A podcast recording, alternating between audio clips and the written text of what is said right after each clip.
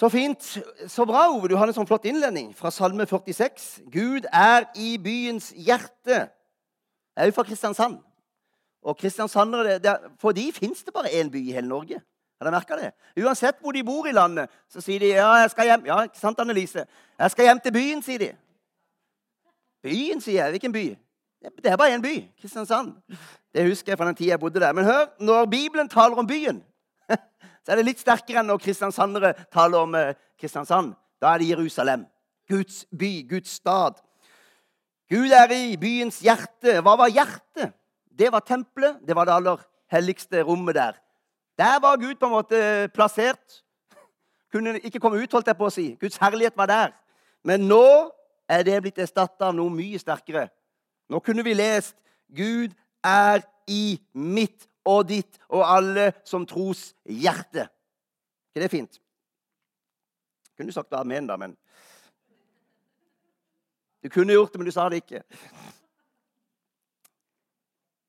Den skal ikke, eller det skal ikke rokkes. Passer jo veldig godt med budskapet om hjertet. Og det passer fantastisk godt, Ove. Og vi har ikke snakka sammen. For jeg skal snakke litt om grunnmur. Å være rotfesta og grunnfesta og ikke rokkes. Så Den hellige ånd har kontroll her i dag. Jeg har hatt en veldig full helg. Jeg har vært på Menighetsviken eh, sammen med Frikirka på Evjetun. Jeg ligger på Evje. Derav Evjetun. Eh, og så har jeg i tillegg eh, hatt et møte oppe på Vegårshei. Derav Vegårtun. og det var litt lenger enn jeg trodde mellom de to plassene. Og jeg tenkte, det er jo, det, Jeg tar en rask kjøretur dit, og så har jeg med på et møte og ned igjen. Og så tenkte jeg hvor, hvor, kjører jeg da? Det kan ikke være så vanskelig. Og jeg ser faktisk at Miriam har skrevet på mine notater 'Aldri vært der, eller?' spørsmålstegn. Hun vet jeg har vært der. Jeg tenkte jeg plottet inn på GPS-en. Det burde gå bra. Og så tenkte jeg jeg vet jo egentlig veien. Men noen har dårlig retningssans, og noen har god retningssans. Jeg har ingen av delene. Jeg har ikke retningssans. Så jeg tenker jeg plotter det inn på GPS-en. Og så eh, trenger jeg nok bare litt hjelp, tenkte jeg, i et par kryss der og sånn. Den førte meg altså inn. Korteste vei. Det var en vei. Jeg kjørte hele veien uten å ha kjørt noen av veiene før. Det er godt gjort. Jeg kjørte mange mil på grusveier. Jeg ante ikke hvor jeg var. Det var en indre vei som kanskje var kortere, men jeg, jeg, det var helt fremmed for meg. Og når det sto fem minutter igjen på uh, telefonen, hadde jeg aldri vært der før. Tenkte, det kan ikke stemme. Nå går jeg glipp av hele møtet, tenkte. Men hør, det som plagde meg mest, vet du hva det var? Det var at jeg hadde jo så lite strøm på telefonen. For det, Før jeg reiste, så tenkte jeg Jeg hadde ikke lader heller. Det går bra. Jeg finner veien. Jeg vet sånn cirka hvor jeg skal. Den GPS-en trenger jeg bare hjelp til et par ganger. Jeg trengte hjelp absolutt hele veien.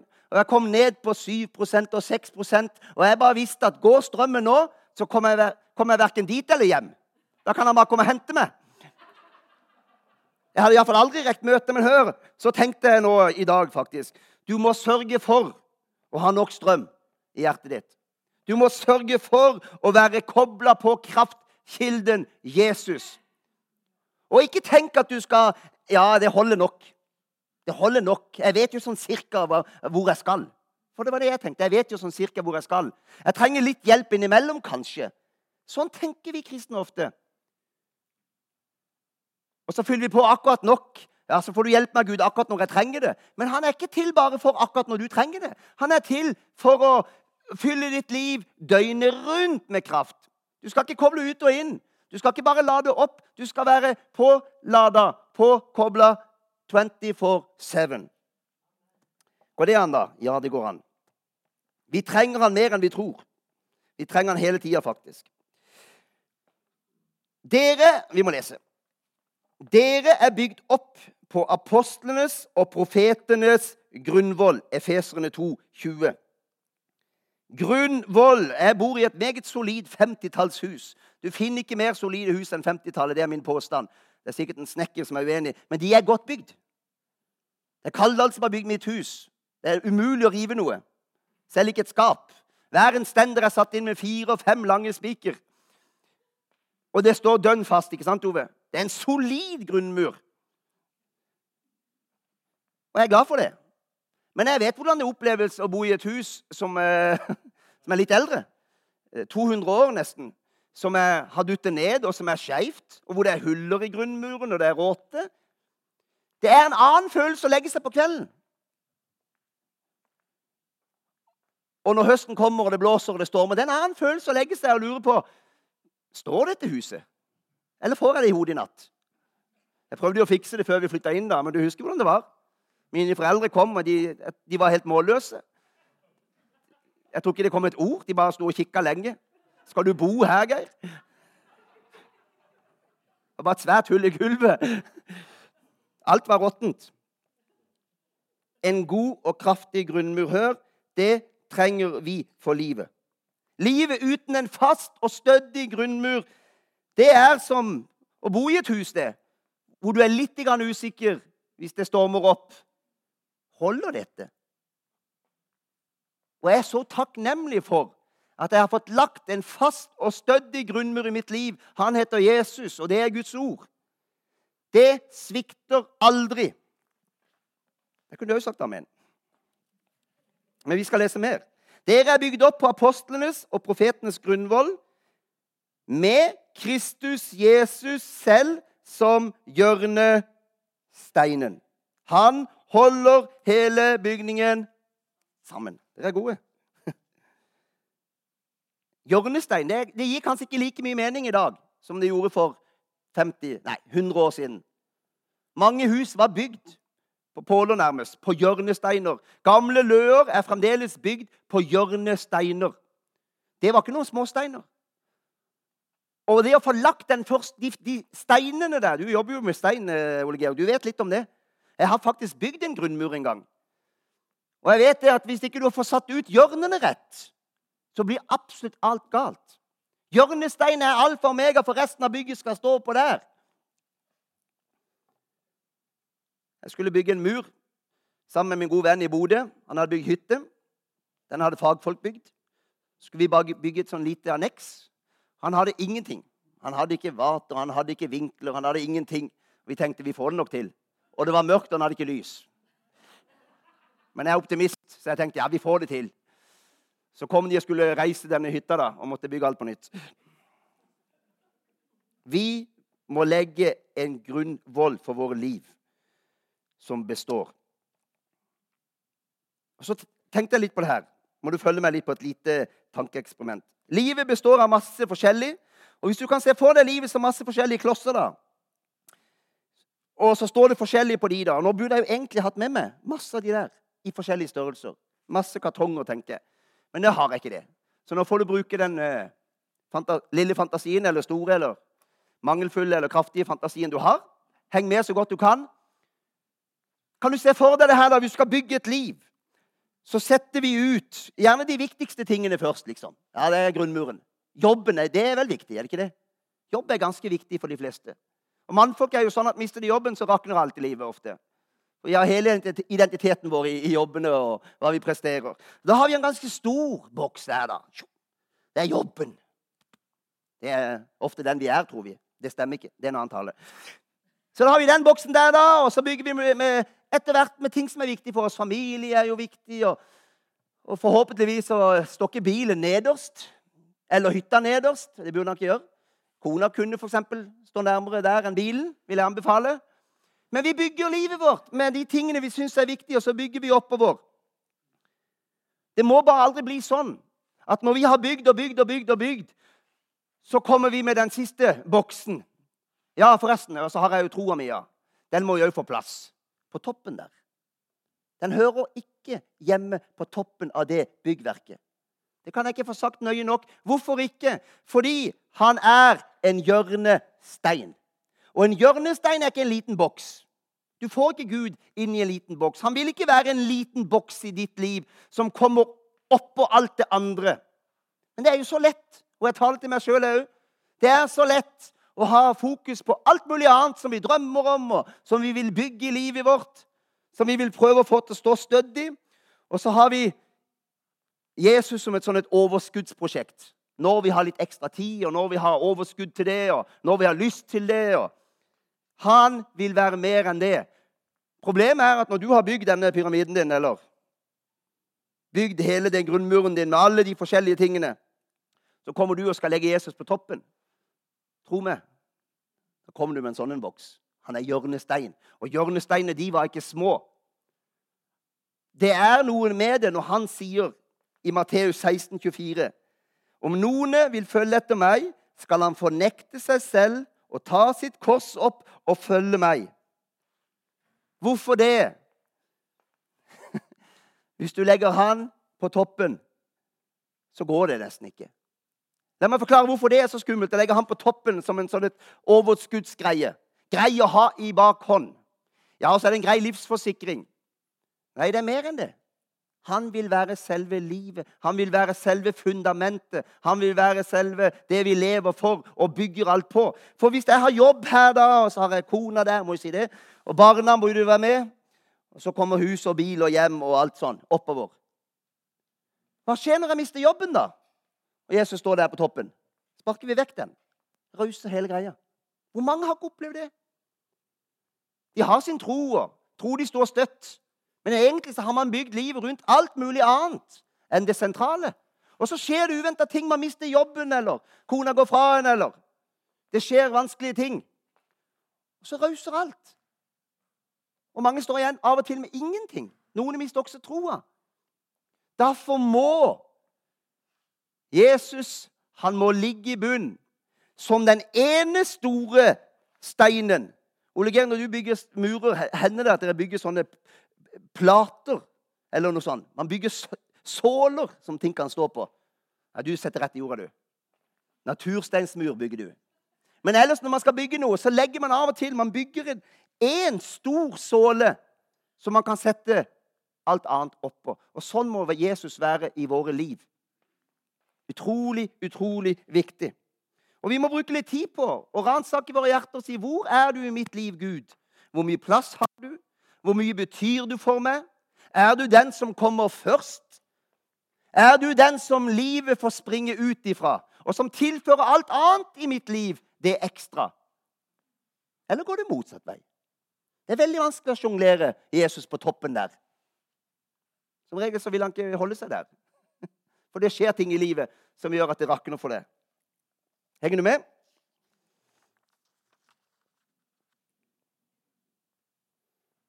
Jeg er så glad for at til og med døden trenger jeg ikke frykte. Det er godt. Jeg er absolutt ikke redd for den dagen jeg skal dø uh, alderdommen, men man kan jo forulykke òg. Alt kan skje i dette livet. Men man trenger ikke gå og frykte det heller. For ingenting kan skille meg fra Kristi kjærlighet. Til og med om jeg skulle forulykke, så går jeg bare rett hjem til en enda bedre herlighet. Det er jo selvfølgelig trist og tragisk for alle rundt, men sånn er det. Det er litt av et fundament å bygge livet på. Da er det jo ikke noe krise med alt annet det har med perspektiv å gjøre. Da tåler vi jo plutselig at livet ikke ble helt som vi drømte om. Vi oppnådde ikke alle målene våre. Da tåler vi jo noen slag og noen spark og noen kasser som forsvinner ut der. Fordi vi har et fundament og et blikk og et perspektiv som overgår alt det jordiske. Jeg er glad for det. Vær rotfestet i ham og bygd på ham. Bibelen taler om å være rotfesta, og han taler om å være grunnfesta. Nå er jeg ikke jeg noen byggmann, og ikke botaniker heller, men jeg skjønner såpass at grunnfesta, da er det gjerne med byggverk å gjøre. Stemmer det? Det må være grunnfesta. Kjenner beretningen om å bygge på fjell og ikke sand. Når den taler om Hva leser jeg da? Rotfestet. Da er det ikke bygg vi snakker om. Hva er det da, Kåre? Da er det trær. Da er det noe som lever. Jeg er vintreet, dere er greinene. Den som blir i meg og jeg i ham, bærer mye frukt. For uten meg kan dere ingenting gjøre. Skal du få et veldig absurd bilde av meg. Og du kommer til å tenke at det var et latterlig bilde. For det er da ingen som finner på det. Tullete. I hvert fall bøndene tenker det. Tenk om du plutselig finner ut at eh, du vil kutte av alle røttene til trærne dine, de fine epletrærne. Så tenker du Kan ikke de ligge på toppen? Bare legge de oppå alle greinene, så blir treet enda større. Du kan jo male de hvis du vil, og pynte de litt og vaske de. Legg de på toppen av treet, se hva som skjer. Vi vet jo alle hva som skjer. Det er bare til neste storm. Neste høststorm så enten faller det, og det råtner fort. Du tenker det var et tullete bilde, for, for ingen gjør sånn. Men det er egentlig det vi gjør. Det er egentlig det vi gjør når vi setter Jesus som en av boksene på toppen og ikke bunnen. Det er nesten det samme som å kutte røttene til et tre og så hive dem på toppen av greinene. Det kommer jo ingen næring. Og livet tar slutt, og vi dør ut. Men det var et tullete bilde, ja. Jeg er helt enig. Men du glemmer det ikke. Du glemmer det ikke. Og kanskje kan det tullete bildet av og til stoppe deg opp og si hm, Har jeg hevet de røttene mine? Har jeg kappa røttene nå og hevet de på toppen? Altså prioriterer jeg rett nå? Har jeg Jesus som grunnmuren i mitt liv? Tullete bilder kan funke, de også.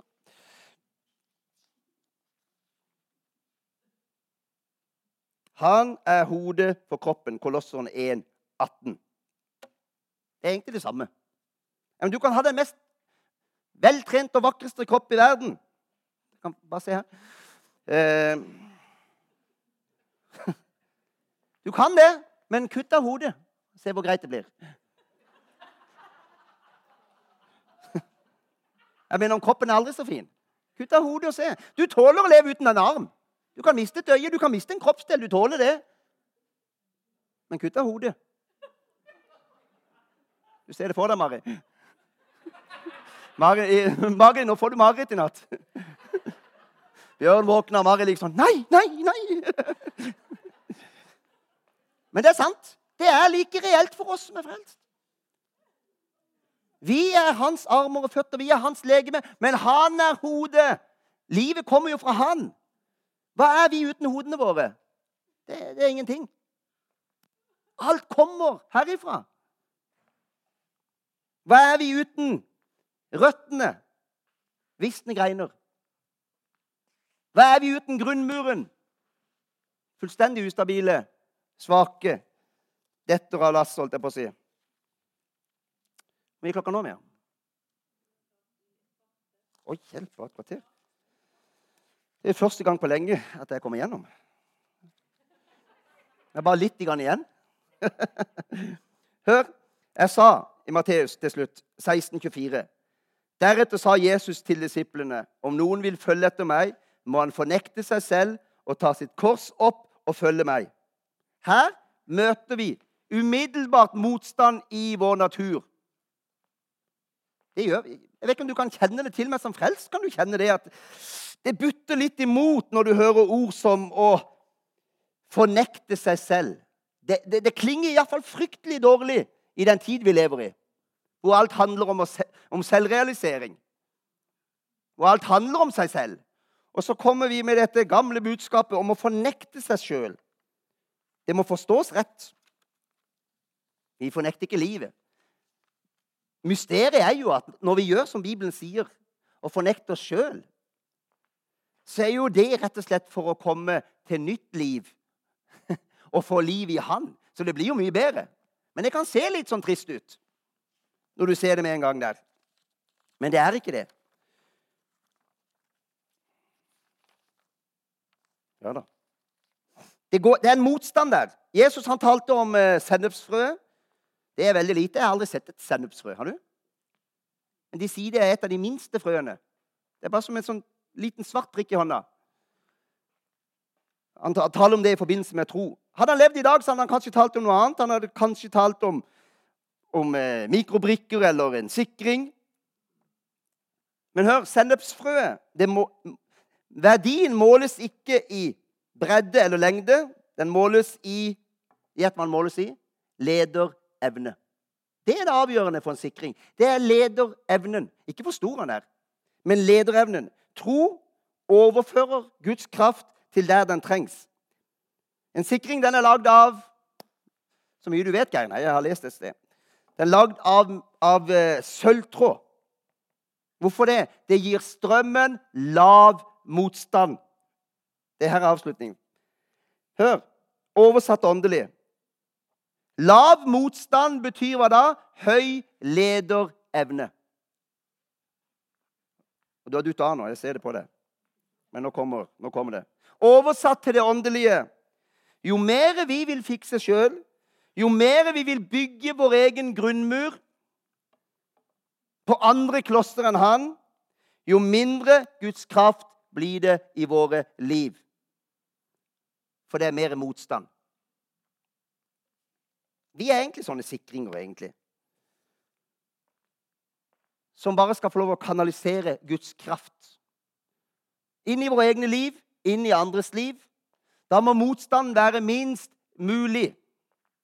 Og motstanden blir minst mulig når vi gir Guds ord rett, når vi gjør som han sier, og legger ned våre egne liv og bygger våre liv på Han som grunnmur.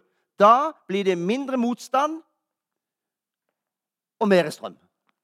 Ja, da var jeg tilbake til strøm. Var det ikke det jeg begynte med? Strøm på telefonen. Du må ha strøm i livet ditt. Du må bygge rett. Du må få bort motstanden. Og så må du skinne som ei sterk pære. Nå kan dere komme, lovsanger.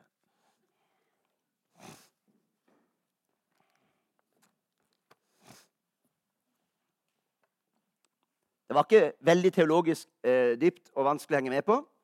Men det er akkurat like viktig og like sentralt og like avgjørende for å leve et Kristusliv. Amen.